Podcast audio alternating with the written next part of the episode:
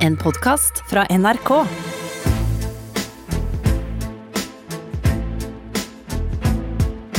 Trump mot verden med Gjermund Eriksen og Sean Henrik Matheson.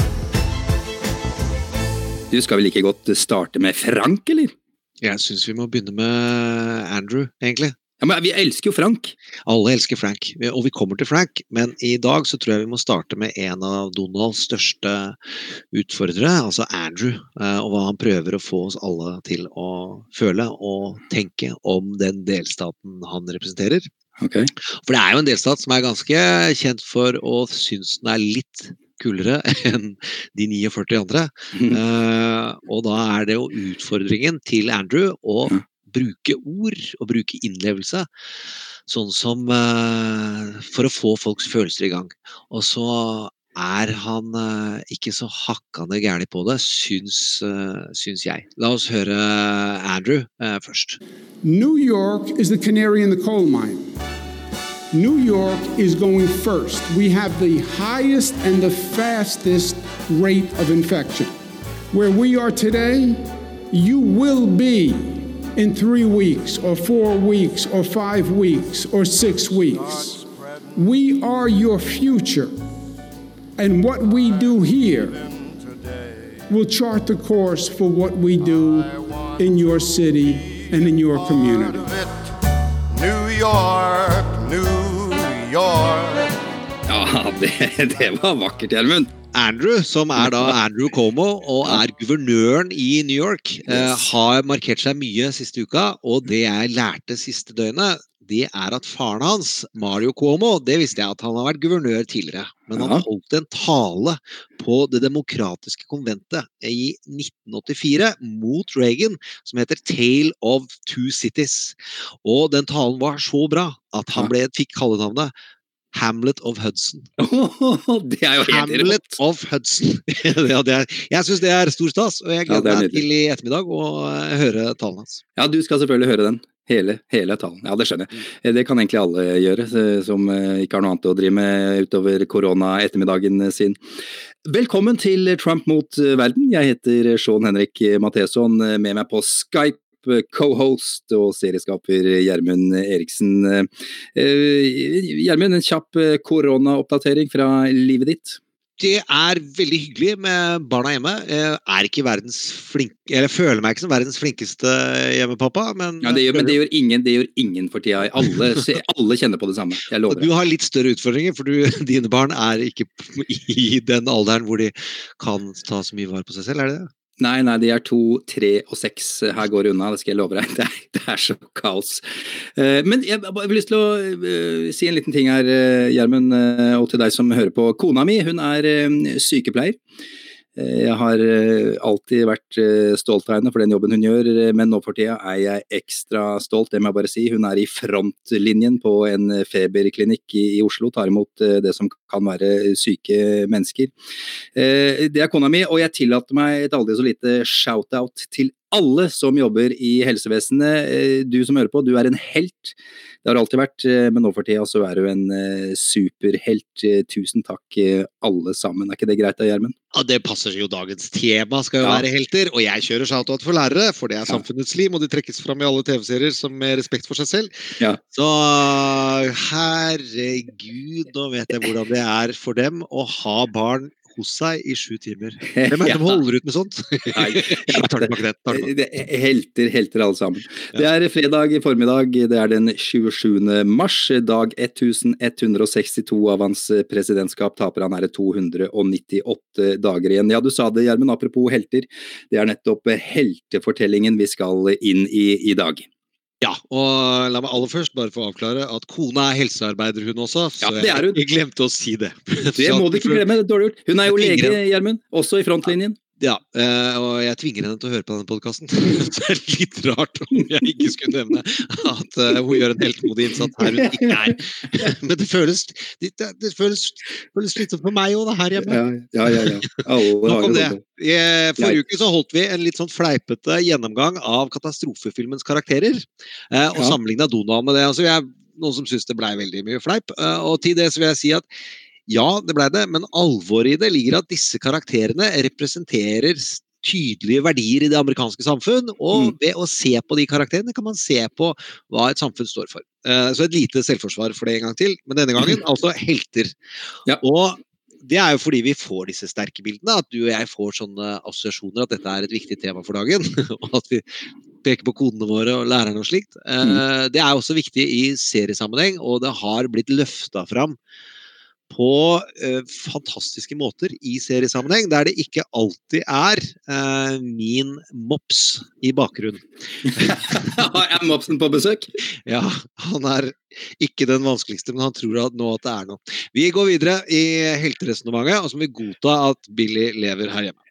Ja. Eh, det som man ofte har, ikke sant, det er jo en én helt. Altså at det er Bruce Willis i Mm. Die Hard som løper gjennom film etter film etter film med stor suksess inntil film fem, som er skandale. Dårlig. Men eh, det å løfte fram hvermannsen, eh, de som har vanlige jobber, eh, det er viktig for gode serier. Og det er West Wing gjør det ganske unikt, denne serien om den amerikanske presidenten. Mm. I sesong fire, mot slutten, eh, nei, i begynnelsen, så er det et terrorangrep mot et eh, svømmeanlegg på en skole. Eh, hvor 40 mennesker er døde, og det kommer inn i en valgkamp. Og da blir en nasjonal krise inni en valgkamp. Og presidenten skal holde en tale som er nødt til å samle folks følelser og gi eh, storsamfunnet retning i hvordan de skal komme seg videre, uten å eh, score politiske poenger. Og så får vi høre at denne talen den skrev Sam, taleskriveren hans, eh, på vei i bilen eh, opp til scenen. Det er da fiksjon, men eh, la oss høre her hvordan Bartlett prøver å få framstilt hvordan vanlige folk som man ikke trodde var en helt, blir helter. Og så er det musikk i bakgrunnen som det går an å sette pris på, men man må lytte litt ekstra for å få med seg de engelske ordene. Vi gir ordet til Jeb. securing peace in a time of global conflict. More than any time in recent history, America's destiny is not of our own choosing. We did not seek, nor did we provoke an assault on our freedoms and our way of life. We did not expect, nor did we invite, a confrontation with evil. Yet the true measure of a people's strength is how they rise to master that moment when it does arrive. 44 people were killed a couple of hours ago at Kennesaw State University. Three swimmers from the men's team were killed, and two others are in critical condition. When, after having heard the explosion from their practice facility, they ran into the fire to help get people out. Ran into the fire. The streets of heaven are too crowded with angels tonight. There are students and our teachers and our parents and our friends. The streets of heaven are too crowded with angels. But every time we think we've measured our capacity to meet a challenge, we look up and we're reminded that that capacity may well be limitless. This is a time for American heroes. We will do what is hard. We will achieve what is great. This is a time for American heroes, and we reach for the stars. God bless their memory. God bless you. And God bless the United States of America. Thank you. Og det, vet du hva, det er en scene jeg aldri glemmer. Eh, Den, den er helt fantastisk, Gjermund. Jeg knekker jo alltid uh, fordi jeg er hyperemosjonell rundt sånne ting. Men uh, det er den nest sterkeste talen, syns jeg, i denne episoden, nei, i denne serien. Mm. Uh, Og så må man huske på, hvis man måler andre politikere opp mot Jeb, at når Erna eller Jonas eller uh, en av fra de andre partiene prater, så har ikke de Tory Amos i bakgrunnen. Nei, det Så de- må vi Så uh, det fins stor politisk retorikk, men de får ikke musikken i bakgrunnen, og de får ikke lyssettingen eh, og slikt, sånn som eh, vi gjør i TV. Livet er urettferdig. Eh, Gjermund, eh, tre ting vi skal snakke om i dag. Vi skal snakke om eh, New York og heltene. Ja, og så må vi ha Donalds approval. Helt riktig. Donald og, og folket, rett og slett. Og så er det en karakter vi må innom her. Vi har vært hos Frank. Nå er det Jimmy som skal introdusere. Hey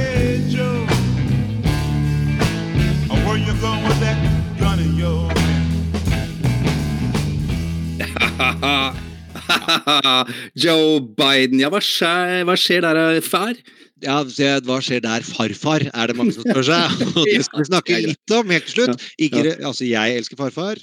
Ja, alle gjør det. Ja, så Med all respekt til En våre farfar, en farfar, lyttere som er nærmere 80. Eh, ok, eh, noen saker ja, som, som vanlig som vi nevner, men eh, ikke skal bruke altfor lang tid på. Der er det Donald og dette kjærlighetsforholdet han har til Romney. Eh, og der eh, har jo Romney blitt smittet. Nei, han har, blitt, eh, han har ikke smittet av eh, korona. Vi trodde at han var det. Han var i karantene en liten stund. Men eh, eh, mitt, Donald tvitrer da følgende om Mitt Romney, som da viser seg ikke være smitta. Oh, this is really great news. I'm so happy I can barely speak. He may have been a terrible presidential candidate and an even worse US senator, but he is a rhino, and I like him a lot. Eh, rhino, det står for Republican in name only, brukes av de på ytterste høyre fløy av republikanere for øvrig, narr av de som er mer sentristiske av seg. Og eh, bare ta med dette her også, eh, tidligere denne uka så skjedde dette her. With the critical stimulus package vote expected. Romney's in isolation? Yes. Gee, that's too bad. Um, Go ahead. Uh, detect sarcasm there, No, sir? no, whatsoever. uh, Nei da, ikke sarkastisk i det hele tatt, eller hva, hva sier du, Gjermund? Nei, det er, eh, det er en utfordring med Donald at han uh, eier ikke folkeskikk eller empati. Og dette var jo et klassisk antikompliment kompliment, som noen av oss som må bruke en del briller, uh, opplever noen ganger av mindre kloke mennesker som sier 'de brillene var ganske fine'. Mm, jeg skjønner hva du mener. du, Vi skal heller ikke bruke så mye tid på viseguvernøren i Texas, Dan Patrick. Eh, Men han sa dette her for ikke så lenge siden. Til vår eh, gode venn Tucker Carlson, som egentlig er veldig redd for eh, koronakrisen. Men uh, hør her hva den nest øverste i Texas klarer å formulere om gamle mennesker på TV. uh, as a senior citizen, uh, are you willing to take a chance on your survival in exchange for keeping the America that all America loves for your children and grandchildren? And if that's the exchange, I'm all in. Ja, Han synes at uh, gamle folk skal ofre livet, slik at uh, USA slipper å stenge ned. Og at de er villige til det. Det er det som er, uh, er litt omstridt. Men det skal vi snakke noe mer om etterpå. Hvordan det går an å posisjonere seg og være det jeg vil kalle et kynisk rasshøl, og likevel vinne, vinne gjenvalg. Eh, Vi skal til Brasil. Ja, der sier president Jair eh, Bolsonaro at eh, dette koronamaset er medieskapt og ikke noe farlig i det hele tatt. En ørliten influensa bare. Kom dere tilbake på jobb, for pokker, har han også sagt relativt nylig. Samtidig som narkogjengen i favelaene beordrer alle til å være inne for å hindre smitting. Også interessant, vil jeg si, Gjermund. Ja, og det som er sikkert, det er at dette er en, dette er en mulighet for meg til å ta fram min Ja. Med støvler-parodi på hvordan det er å snakke engelsk med La oss si en aksent fra den iberiske halvøy. Ja. Og vi vil umiddelbart starte Bolsonaro mot verden. En spin-off-podkast med søndagssendinger, med sambamusikk. Ja, det er nydelig. Det gleder jeg til. Samba gjennom hele tida. Nei, det, er- Ja. altså, det, er ikke, det er ikke bare Donald eh, som, som er helt uh, vill her. Det, det er flere verdensledere rundt omkring som, uh, som holder på. Det går et skarpt skille mellom populister som velger seg alvoret og velger en strategi for fellesskapet, og Bolsonaro og Trump på den andre siden. Eh, Fins ikke Brasil eh, så vi går videre. Vi går videre. Men eh, det er klart, eh, må kanskje se på knallharde narkogjenger med nye briller. Det kan selvfølgelig hende at de bare er keen på å fortsette å selge masse narko, og vil at folk skal være friske nok til å ta narko. Jeg tipper det er sånn det er skrudd sammen. Det er min anti-ekspertise-kommentar til det som foregår der. Det hadde ikke noe å si. Nei, jeg har ikke skisskompetanse på bydeler i Rio, så jeg tror jeg sier farvel, da. Til hele resonnementet. OK, dad joke, okay, men jeg bor hjemme. Jeg får Ja. mye dad joke feedback. Greit. Dad Jokesen eh, slår oss i trynet før vi veit ordet av det, alle oss eh, menn. Vi skal til New York.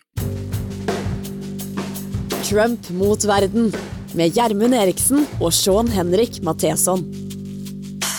New York er den byen i USA som er rammet aller hardest av koronaviruset. I hvert fall er det det tallene viser fram til nå. Byen med sine ca. 8,6 millioner innbyggere er et av de tettest befolkede stedene i hele verden. Eh, og tall fra i dag tidlig viser at omtrent 40 000 mennesker har testet positivt. Det er rett under halvparten av alle tilfeller i hele USA. Eh, og ordfører de Blasio sier at byen må regne med at halvparten av innbyggerne, altså omtrent 4,3 millioner mennesker vil bli smittet av viruset. New York har blitt det nye episenteret for koronavirusutbruddet. Eh, titusenvis av mennesker har eh, mista jobbene sine. Hoteller stenger, barer, restauranter, kjøpesentre og butikker. Eh, New York kan gå glipp av opptil 150 milliarder kroner i skatteinntekter. Redningspakka gir omtrent 30 milliarder kroner i kompensasjon. Samtidig har staten brukt mer enn 6 milliarder kroner på medisinsk utstyr, penger det selvfølgelig ikke er budsjettert med. Guvernør Cuomo sier at redningspakka fra senatet ikke er god nok, han kaller den grusomt dårlig. Ordfører Di Blasio kaller den umoralsk. Og som en gode venn og gjest i Trump mot verden, Anders Giæver skrev i VG i går New York er under angrep, men det er ikke en film, det skjer på ordentlig. Eh, men Gjermund, så er jo også New York i heltenes by?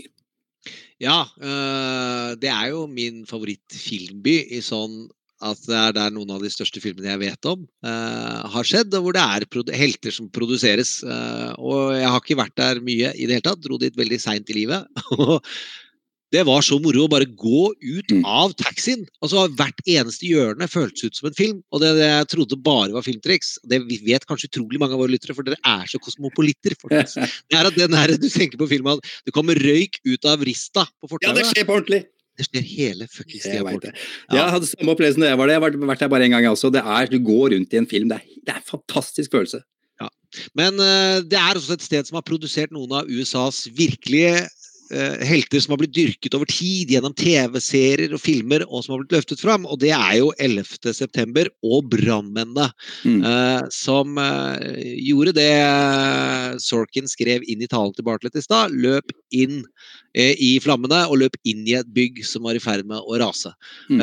og de gjorde en helt unik innsats mens TV-kameraene rulla. Og så skal vi ikke ta hele historien deres, men John Stewart den største komikeren, eh, mener nå jeg, de siste 20 årene fra USA. Hadde et program som het Daily Show. Ja.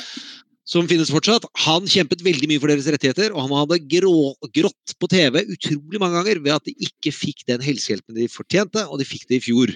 Eh, så det at du produserer en helt, betyr ikke at det kommer resultater av seg selv. Mens nå er det noe annet som vil skje. Det er sykehusansatte som skal få testa sin arbeidskapasitet, sin mm. evne til samhold og sin evne til å stå på der hvor eh, folk kommer til å dø og folk kommer til å oppleve smerte og tap som de ikke den byen har sett før. Eh, antageligvis, det får vi jo se. Hvis bare halvparten er sant av det Cuomo og Di Blasio spår, så blir dette veldig sterkt. Og det å uh, dyrke sykehusansatte, uh, det er uh, ganske viktig som TV-fenomen. og ikke da bare i virkeligheten, slik vi nå gjør det. Dette er en sjanger som veldig mange i USA kan fra de store sykehusseriene. Så det er veldig lett relaterbart å kjenne seg igjen i den smerten som oppleves i de gangene. I tillegg til at det er utrolig mange helsearbeidere, så det er god sjanse for at du kjenner noen i tillegg. Men vi har jo disse store seriene der man kan velge seg sine favoritter jeg tenkte at vi kan ta åpningsvignettlåta til det som jeg syns var den beste.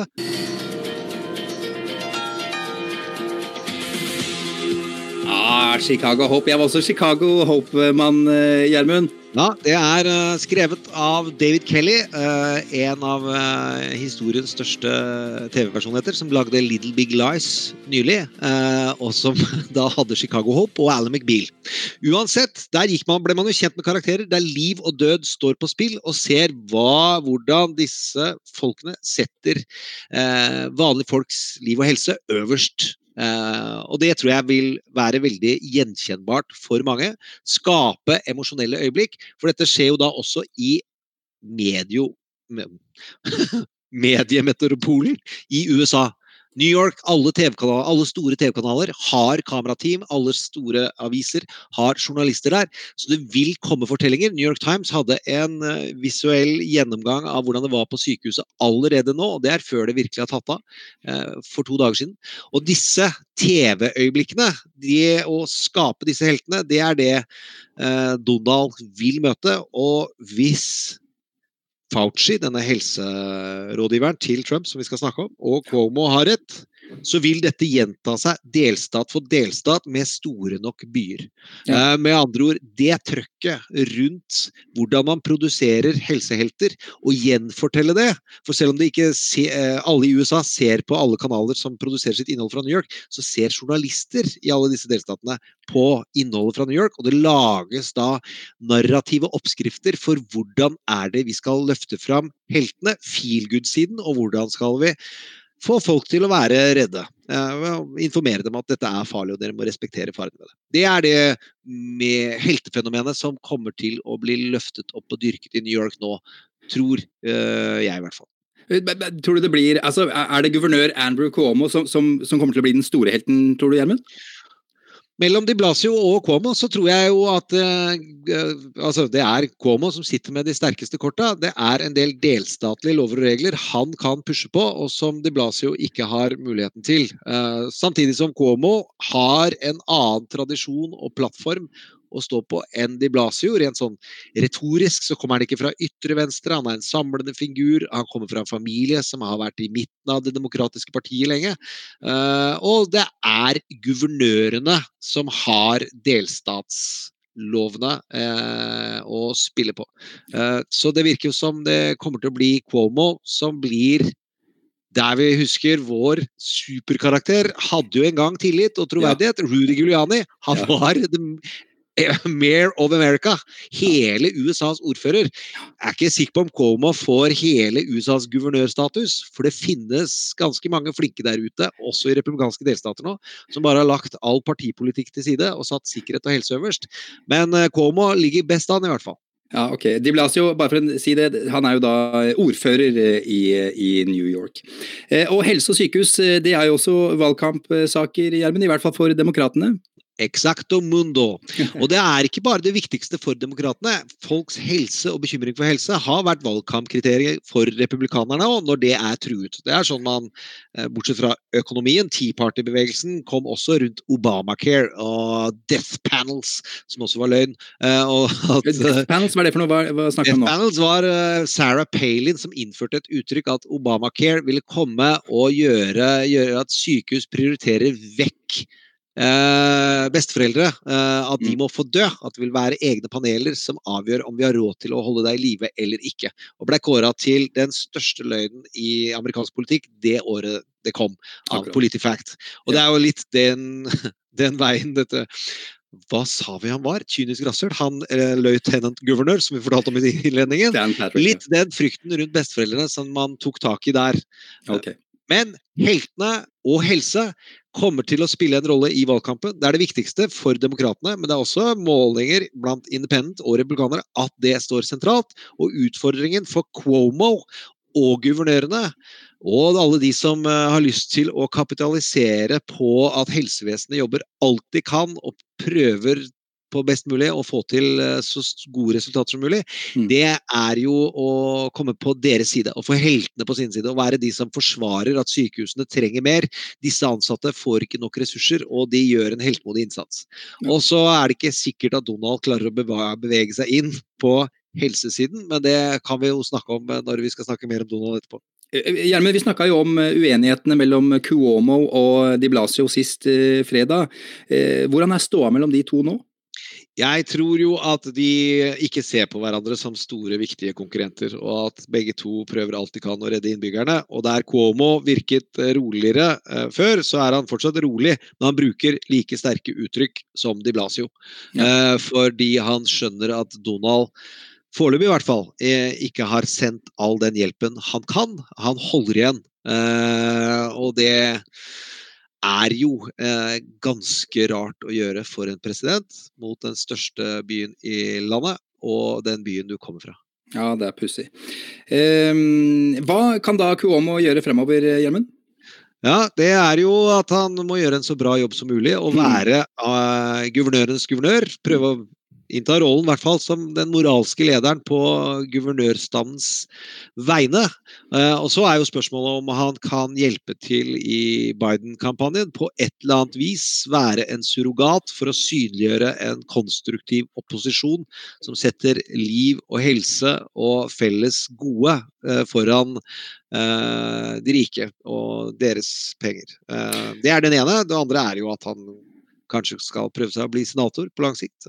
Og jeg vet ikke. Ja, senator, fader. Når er det vi hører eh, Cuomo for president eh, runge gjennom USA? Det er jeg mer interessert i. Ja, Det folkens, kan dere skrive ned. Det er i 2023 i podkasten 'Trump mot verden' etter at Donald vant. Jeg tuller! Det er ikke Oh sikkert han God. vinner. Eh, Det er ikke sikkert han taper heller, og det skal vi snakke om.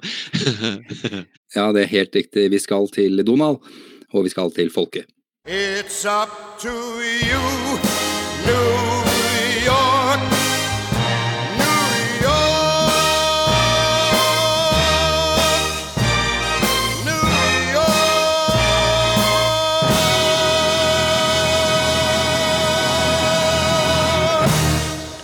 Donald er lei av at folk ikke kan gå på jobb. Han er lei av bedrifter som må stenge. Han er lei av social distancing. Det går utover økonomien, og er det noe Donald Trump er redd for, så er det at økonomien skal gå i dass. Resesjon. Det er alle presidenters verste mareritt, i hvert fall om de ønsker four more years. Derfor, eh, Trump vil gjerne at landet skal åpne igjen når påsken kommer, 12. april. Eh, Gjermund, vi var litt inne på det i vår tirsdags eh, touchdown med vår gode venn eh, Anders eh, Magnus. Han var for så vidt ikke helt enig med meg med påstanden min om at eh, Donald har eh, vingla, men jeg påstår likevel at han har gjort det. Sorry, Anders, jeg vet du hører på, men nå slipper jeg i hvert fall å krangle med deg akkurat eh, i dag. Eh, Først var det jo en liten influensabug som ingen trenger å bry seg om. Eh, Så var det 15 cases with a couple of days, it's going to be down to zero. Jeg ga et forsøk, men likte du det, eller? Jeg syns du var veldig god, jeg. Det, Ja, takk skal du ha, vi skal takk se om vi skal du ha. kan eh, se, sammenligne med noe etterpå. Oh, oh, nice. Men så var det jo eh, som om det gikk opp et eh, lys for ham. Jo da, dette her er alvorlig. Han erklærte en nasjonal krise, og han sa I've always known this is a this is a real this is a pandemic. I felt it was a pandemic long before it was called a pandemic. All you had to do is look at other countries. Men nå- jeg jeg klar- Sorry, jeg må bare le av det. Det er så sykt. Det er uh, veldig rart. Ja, det er veldig rart. Det er veldig rart. Eh, Men nå har han altså snudd eh, igjen, nesten tilbake til Men hallo, dette er jo bare en vanlig liten influensa. Denne uka her så har han argumentert med at det er farlig i trafikken også. Skal vi plutselig nekte folk å kjøre bil nå? Ja da, så det er eh, på det nivået vi ligger nå altså. Eh, USA har gått forbi Kina i antall eh, smittede. I dag tidlig nærmer tallet seg 86 000. Over 1200 dødsfall er registrert. Det har ganske sikkert økt i løpet av dagen i dag. Kina står med 82 000 smittede og nesten 3300 døde. Det er forresten tall Donald ikke stoler på. Kan jo ikke stole på. China, China, China, China, China, China, China, China. China, China, China, China. Kan jo ikke det, Gjermund. Nei, det er jo ikke det. Ja, jeg vil ikke ha Kina på nakken, så la oss si at Donald får stå for det sjøl. Han har uansett uh, mista tålmodigheten, eh, bortsett fra det opplagte, det jeg akkurat har snakka om, økonomien. eh, hva skyldes eh, det, Gjermund?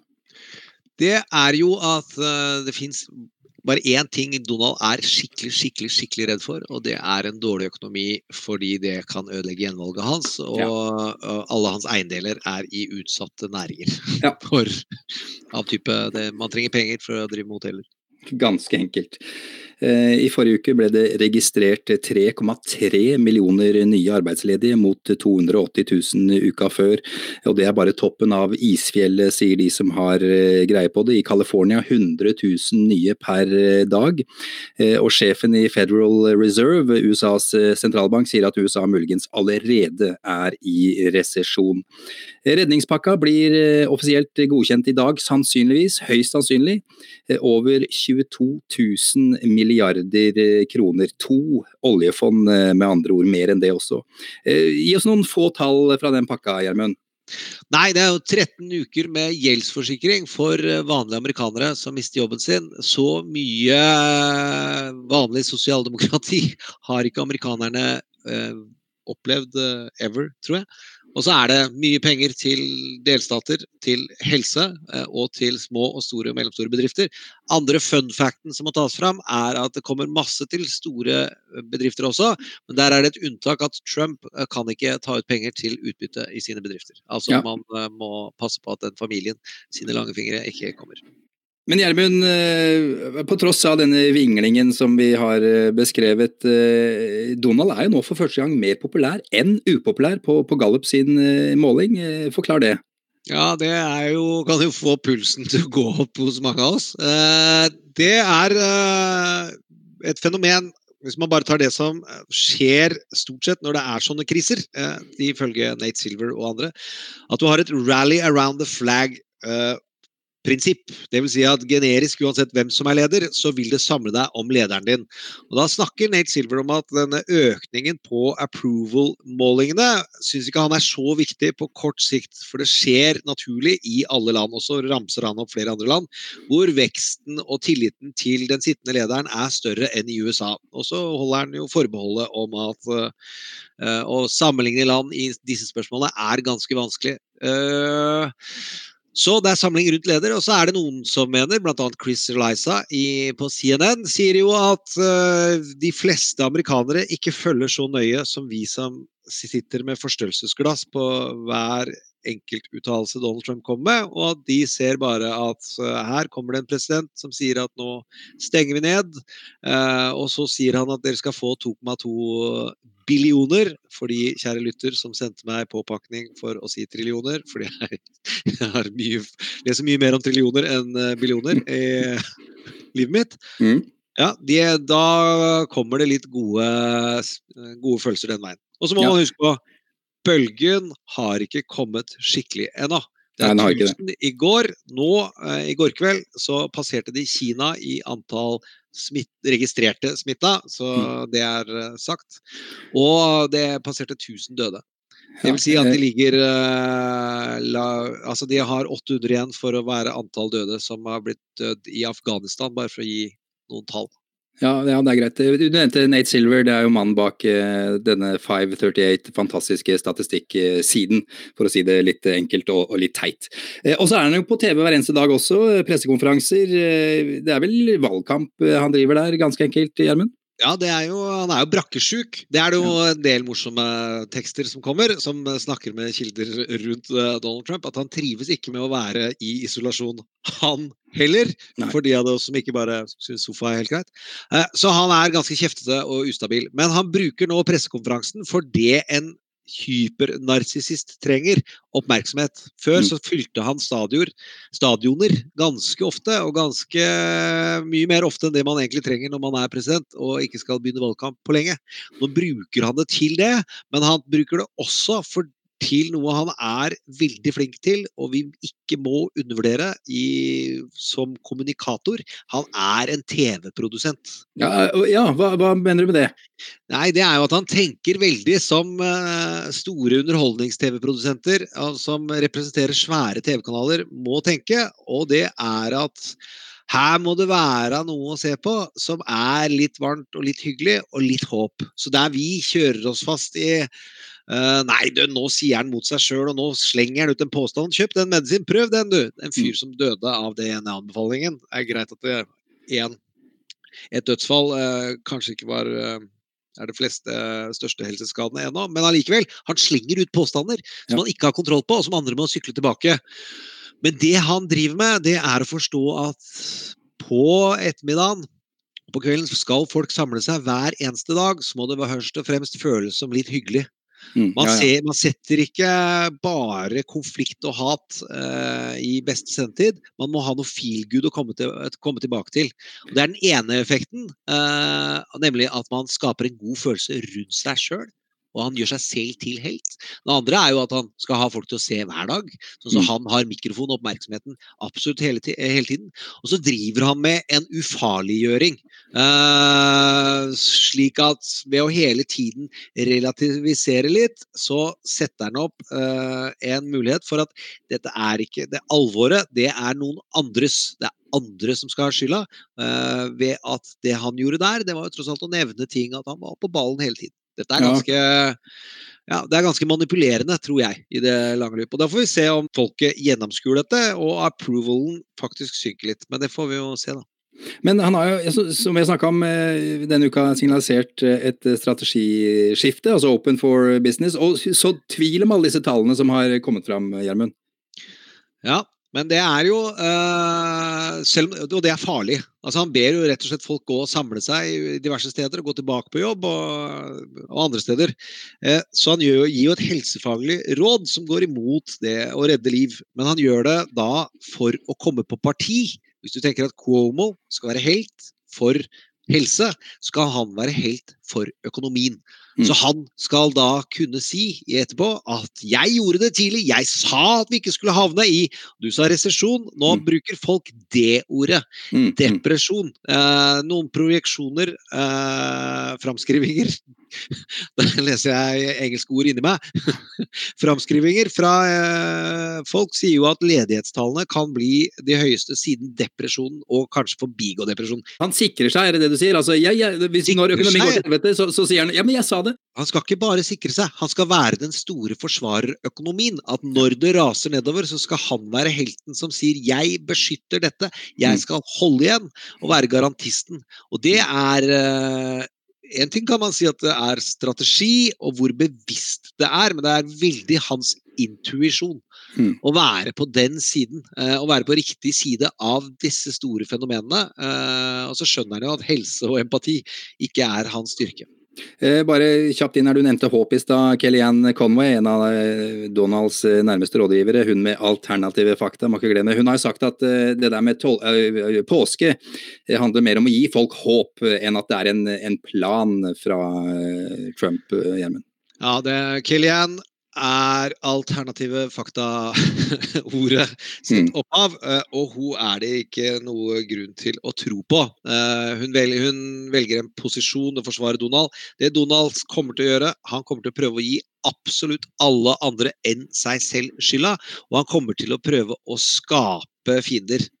Ja, eh, men han har jo troen bokstavelig talt på påske. Skal vi høre hva han sier her? Easter's a very special day for me. And I see it sort of in that timeline that I'm thinking about. And I say, wouldn't it be great to have all of the churches full? I'm not sure that's going to be the day, but I would love to aim it right at Easter Sunday. So we're open for church service and services generally on Easter Sunday. That would be a beautiful thing. Wow, ja, der ser vi altså. Eh, gå inn og vær sammen, eh, tusenvis av mennesker, og så, så ser vi åssen det går, sier han her.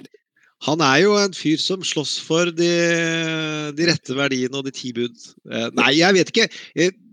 Jo, jeg tror jeg vet hva han egentlig holder på med. Det ene er at den uh, bibelbeltet er utrolig viktig for Donald. Så det, uh, et av de viktigste dagene i året for bibelbeltet er å samles i kirken der for å skape et fellesskap. Så han tenker jo at han mister det hvis ikke folk er i kirken. Eh, det er jo det ene. Det andre er at han trenger fiender. Og at han jobber ganske strategisk med å alltid ha eh, Hvis han skal være helt, så må han skape noe som han er imot. Mm. Og da er han imot de som har lyst til å nekte folk å gå i kirken. Og hva er verre for en kristen enn det? Mm. Uh, og han kommer også til å prøve å være imot de som nekter å gjøre at landet skal ha en ordentlig økonomi, og skape en økonomi som skaper arbeidsplasser. Han skal være på den riktige siden av det. Og han også- Sosialistene. Ja, sosialistene. Ja. Det er fienden. Og ja. han er helten som slåss for økonomien. Og han kommer også til å være den som slåss for hvordan verden egentlig henger sammen, og ikke disse udugelige eh, folka som vrir sannheten og faktaene for å gjøre deg redd, altså journalistene, som vi holder med. Som vi holder med. Det må gjøre rett. ja, det er greit. Men det, har det, det, det, er jo veldig mange morsomme memes, eller memer, memer, jeg kan ikke, jeg, sorry, ja, eh, som sier at hei, nå får kapitalistene hjelp av sosialismen. Ironien er jo fantastisk her. Ja, det er eh, mer ironi blir det jo ikke. De har jo vært imot offentlig bistand. Eh, jeg husker ikke sist de glade og smilende kom med hjelpetiltak. Det, man måtte jo vri eh, penger ut av dem etter 11.9 til alt annet enn militæret. Og i finanskrisen rundt Obama så lagde de jo en helt ny plattform for partiet. At de var ikke noe for å hjelpe arbeidsledige. Er jeg hissig på disse tingene? Ja, det er jeg. Og vi kan snakke om Reagan en annen gang. Vi må gå videre. vi vi, vi kaller Donald Trump skyldfordeler in eh, chief i dag. Eh, Gjermund, eh, vi skal til vår, og du som hører på, ikke minst, aller mest til deg egentlig, Eh, vi skal til vår spin-off eh, Demokratenes kamp om å vinne tilbake presidenttronen. Yes, it is game on for 2020. All eyes are now on who will run for president in 2020. It sounds like a game show, but it's not. One of these candidates could be the next president. Vi må lynkjapt innom Demokratenes kamp om å vinne tilbake presidenttronen. Ståa har ikke forandra seg siden sist. Alle tror og mener det er Joe Biden som blir kandidaten. Men det store spørsmålet, Gjermund, hvor i all verden har det blitt av ham? Ja, det er eh, det store spørsmålet er hvordan han i all verden skal bli sett. Eh, og det han lovte forrige uke, var at han nærmest skulle starte en skyggeregjering etter sånn britisk modell, hvor man alltid har en opposisjon å gå til, og som har alternative tiltak og viser handlekraft. Eh, og på mandag så fikk vi jo se resultatet. Det var ikke veldig oppløftende. Det var en ganske litt sånn tafatt mann som uh, litt sånn 70-talls-TV-aktig står foran en bokhylle, og kameraet er litt skeivt, og han som meg, tar borti mikrofonen på feil måte. Men jeg prøver da heller ikke å bli president, uh, og hadde heldigvis altfor få seere. Ja, få seere, sier du? Ja, eh, av en eller annen grunn, så la oss håpe at det var av ren dyktighet, så ble han da motprogrammert, som det heter på TV-språket, eh, mot Cuomo. Så mm. Biden sin sending om vise handlekraft, så har du konkurrenten Cuomo, som da har trent opp store deler av det interesserte publikummet for å se på han. Mm. Eh, og så kan det jo være et håp i at de hadde lyst til å gi han litt trening og få han i gang til å bli en type TV-adressator, for det har det jo ikke vært. Eh, ellers er det jo bare hull i kompetansen til folka hans. Mm. Og hvis du ser på de har ikke overinvestert i TV-utstyr perfekt lyd, jobbe med linjene og hvordan altså for folk det, Hva du står foran, hvordan det ser ut i bakgrunnen, det jobber man ganske mye med hvis man jobber ordentlig profesjonelt. Og mm. ikke bare skal en, være en ekspertkommentator på CNN og skype litt, uh, men prøve å skape en presidentplattform. Mm. Det var foruroligende. Og så kan vi håpe at det var litt uh, vanskelig å komme i gang, uh, og at det ikke varsla noe helt annet. Uh, og så er det laget noen ja, helt grusomme videoer fra TV-opptredenen hans den siste uka. Jeg prøvde å se på det, jeg klarte ikke, jeg orka ikke. Ja, men vi må ha humor. Vi legger ut så mye rart om Donald. Og så mener jeg ikke å tøyse med Joe, men vi må tåle at vi bruker de samme triksene. Ja. og så det ene klippet der så jeg jo på live, og ser jo at de strekker strekker det at det er vanskelig med den type internettforsinkelse å ha en perfekt kommunikasjon med TV-studio. Så det gjør de mye ut av. Men han virker gammel. Han virker, han virker gammel, altså. Han virker gammel, og han virker surrete. Og han gjør ja. Da mener jeg ikke sånn senilsurrete, hvis noen trodde at jeg ser det. Men altså bare nei, nei. sånn Folk må snakke ordentlig til sånn at de ikke han misforstår og prater i iPhone når han har en mikrofon på seg. Det er jo søtt med pappa. Han eh, misforstår sånn, men vi kan ikke ha det sånn, da. Der må det skje ting. Gjermund, hva skal han fokusere på nå fremover, eh, syns du? Ta, eh, rappe noen råd fra Murphy og Axelrod fra Hacks on Tap, som vi har snakka mye om, at det er gamle strateger. Men det er å skape seg en ukentlig plattform hvor du har forutsigbarhet. Nå kommer Biden på lufta. Ha en mye mer strømlinjeforma tilnærming til hvordan det ser ut, og hvem du snakker med, om man skal ha gjester. I hvert fall fortsett å bygge personligheten kompetent og empatisk, med, som da står i kontrast til, la oss si, uempatisk og ja, noen av oss vil si inkompetent på eh, faglig innhold, og man er en stor kommunikator, mener jo dessverre jeg. Og så er det jo bare ta de store kritikken. Ikke bli løpe ved siden av toget som kanskje er i ferd med å gå i veggen, eh, og være den som hele tiden roper og skriker, men snakke ofte om de store spørsmålene og synliggjøre den, og komme på guvernørenes side og få helsearbeiderne i ryggen. Og helt til slutt Han må velge en visepresident snart. Han må Ja. la Bernie få være Bernie, og så må Bernie bestemme seg. Men jeg kan ikke skjønne at ikke han er nødt til å synliggjøre et alternativt eh, maktapparat, og ikke bare seg selv. For han er over 47 år. Ja, det, må bli trygg, det må bli tryggere å, å velge Biden. Vi har en konkurranse liggende på internett. Den skal vi komme eh, tilbake til. Den summerer vi opp neste uke. Garantert. Da stenges den. Hvem blir visepresidenten til Biden? For nå må han velge, mener jeg. Og de kommer helt sikkert til å lytte på oss.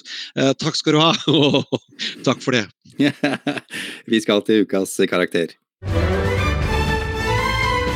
My name is uh, Dr. Tony Fauci. Immunologist Dr. Anthony Fauci This is a bad virus. has once again become a public force. Dr. Fauci, thank you. And I'll give you the whole truth the way I always have.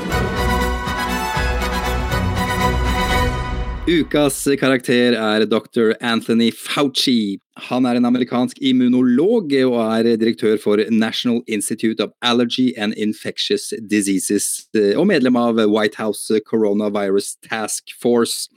En meget eh, respektert mann dette her, går for å være den ledende eksperten på smittsomme sykdommer i USA. En av heltene i kampen mot hiv og aids på 80- og 90-tallet har mottatt en haug av prestisjefulle priser for eh, arbeidet sitt. En person som gjør så godt han kan i, task forcen, snakker stadig Donald Trump eh, midt imot, eh, og under den etter hvert daglige pressekonferansen fra Det hvite hus om koronaepidemien for en liten uke, liten uke siden, så sto han og, og rista på hodet da Donald Trump eh, sa dette. You know what I'd like to do? I'd like him to go back to the State Department, or as they call it, the Deep State Department. ja, her smiler han oppgitt, rister på hodet, for så å gjemme ansiktet sitt i hendene sine, Gjermund. Ja, og jeg tror jo ikke det er av vond vilje, men at han prøver å sk- gjemme bort smilet i en absurd situasjon. Uh, og så er det jo slik at vi husker vel ikke så veldig mange mennesker som har overlevd inni den administrasjonen ved å si Donald imot offentlig. Mm. Og det er det veldig mange som er bekymra for. Og så er det mange som spådde at han var borte, og det er jeg helt enig i at det var grunner til å mistenke at han ikke var på scenen. I går Altså, fikk vi Fauci, at han var borte? ja, altså han var, Ja. han, plutselig Ja, ja, var han ikke et par dager, og tenkte nå har han blitt en for stor helt, fordi Donald sa de legendariske ordene, og han begynner å bli en TV-stjerne. Og det er 'kiss of death'. Mm. Mm. og det, det var man redd for. Uh, Så er han ikke fjerna ennå. Men eh, det en Politico-reporter trakk fram på tirsdag, var at hans kilder inne i Det hvite hus sier nå at det brygger opp med, mot en konflikt mellom de helsefaglige rådene og hva Donald vil. Og så får vi se om det står seg, at Politico får rett. Eh, at det kommer en konflikt der Fauci får vi se, bøyer av eller går av. Eh, skal det er ikke en spådom, det var da å vise til Politico-diskusjon. Ja, ja, ja. Men hva slags karakter bare veldig kjapt igjen, men hva slags karakter er Fauci eh, for eh, Donald Trump i, i hans verden? Nei, det, hvis vi går til katastrofefilm, eller du kan gå til en del andre fortellinger, så er det ledere som ikke gjør de rette valgene, og de har ofte en der inne i rommet som synliggjør hva det rette valget er. For du skal jo få fram at den, eh, den onde lederen gjør feil av selv om han vet hva det riktige er. Så det er alltid ofte en som sier det. og målbærer disse valgene. Og da, La oss håpe at Fauci er der så lenge som mulig, eh, slik at Donald ikke kan si at dette har jo ikke han fått hørt noe om. For han har jo prøvd seg på det òg. Men-. Så ligner han litt på veldig morsomme folk også. Men det tar vi ikke, for det er litt sånn øh, utseendeaktig. Å ja, du tenker på han Mad-fyren? Ja. Ja. Ja, men ok, vi, vi trenger ikke ta det. Vi tok det ikke, heldigvis. Eh, ok, vi skal eh, til eh, et spørsmål fra, eh, fra en lytter, eh, fra Ottar. Eh, Hei, Ottar. Eh, kan det tenkes eh, et scenario der epidemien varer så lenge at det blir vanskelig å avholde valg, eh, og Trump eh, bare blir værende ved makta? Ja, Der øh, hadde vi jo diskusjon med Anders Magnus, så der Ja. tror jeg vi reklamerer for vår tidløse Anders Magnus-pod, som Mm. var, øh, kom på tirsdag kveld, Ja. om hvordan det er å dekke dette her, som jeg Mm. syns man kan høre der. Eh, Jeg blir ekstremt sjokkert hvis Donald klarer å avlyse valget i lang tid. Mm. Det er det jeg vil si. Ja, men det er greit, helt greit. Eh, eh, Kjære deg, du som hører på, sjekk ut vår eh, Facebook-side, Trump mot verden, som alltid. Der foregår det masse. Gjermund, du er flink til å poste morsomme ting. Det samme er ja, de som Lytterne, er, er følger siden. er. Lytterne, ja, de, og de som er på siden, for all del. Jeg er helt enig. Bra du setter meg fast. Og send oss gjerne en mail med spørsmål, slik vi akkurat har tatt nå. Det er veldig, veldig hyggelig. Silje Martinsen Vettere har produsert denne episoden fra soverommet sitt. Jeg har stått i garderoben min på, på Jar. Gjermund, du har sittet i kjelleren din i huset ditt eh, på Ski. Eh, Vi skal avslutte med en låt fra Spotify-lista vår, som du som hører på har vært med på å, å lage. Det er en liste med låter som åpner første episode i sesong én av den ekstremt dyre og flotte TV-serien Trump mot eh, verden. Gjermund, du har skrevet dagens scene. Nesten, i hvert fall. Nei, jeg har uh, latt, oss, latt meg heller låne fra en tidligere konkurranse. Og den konkurransen om uh, låter den ligger ute på Facebook-sida fortsatt, og så ligger Spotify-lista der. Men det var noen som hadde et forslag. Uh, ja, jeg, jeg tar scenen isteden, ja. så kan du, kjære lytter, eh, kjenne inni deg at ja, jeg lånte den av deg. Og det er å begynne i et ganske mørkt rom. Så Ja. følger vi et veldig lyst eh, hårstrå på vei mot bakken. Eh, og det treffer andre hårstrår eh, i lufta. Og du får sånn krysning, og det visualiserer eh, hvordan ting henger sammen, og skaper også en følelse av ubehag. At ting vikler seg innover, at ting blir stadig mer komplisert. Før det lander mot bakken i en stor haug av et litt obskurt farget hår i, av type oransje, før kameraet drar opp, og så ser vi en skallet Donald Trump sitte og sove i stolen eh, fordi det er noen som skamklipper den. Eh, og så begynner den låta som vi begynte med eh, fra West Wing-episoden, eh, 'Tell Me Why I Don't Like Mondays' med Tori Amos.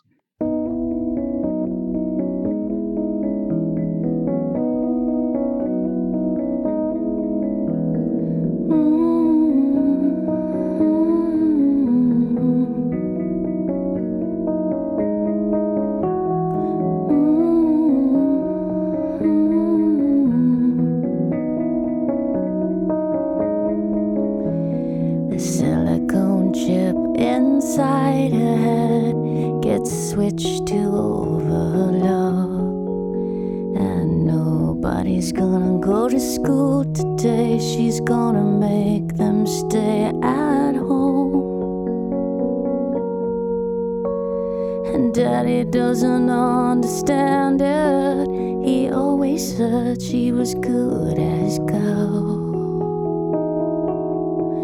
And he can see no reason, cause there are no reason. What reason do you need to be shy?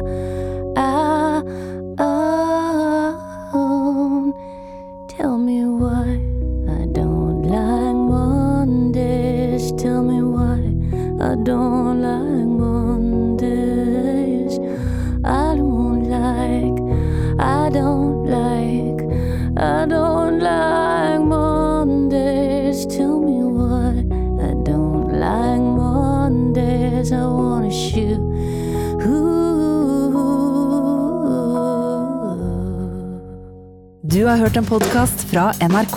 Hør flere podkaster og din NRK-kanal i appen NRK Radio. Stories on fire. Scandinavian stories on fire. Hei, jeg heter Kjetil Saugestad. Da danskebåten Scandinavian Star brant i 1990, så var jeg vernepliktig i marinen. Nyheten var liksom ikke til å forstå at katastrofen kosta 159 mennesker livet. Noen har tent på ferga, men fremdeles er det ingen som vet hvem. Nå har jeg laga fortellingen om mordbrannen på Scandinavian Star i podkasten Hele historien.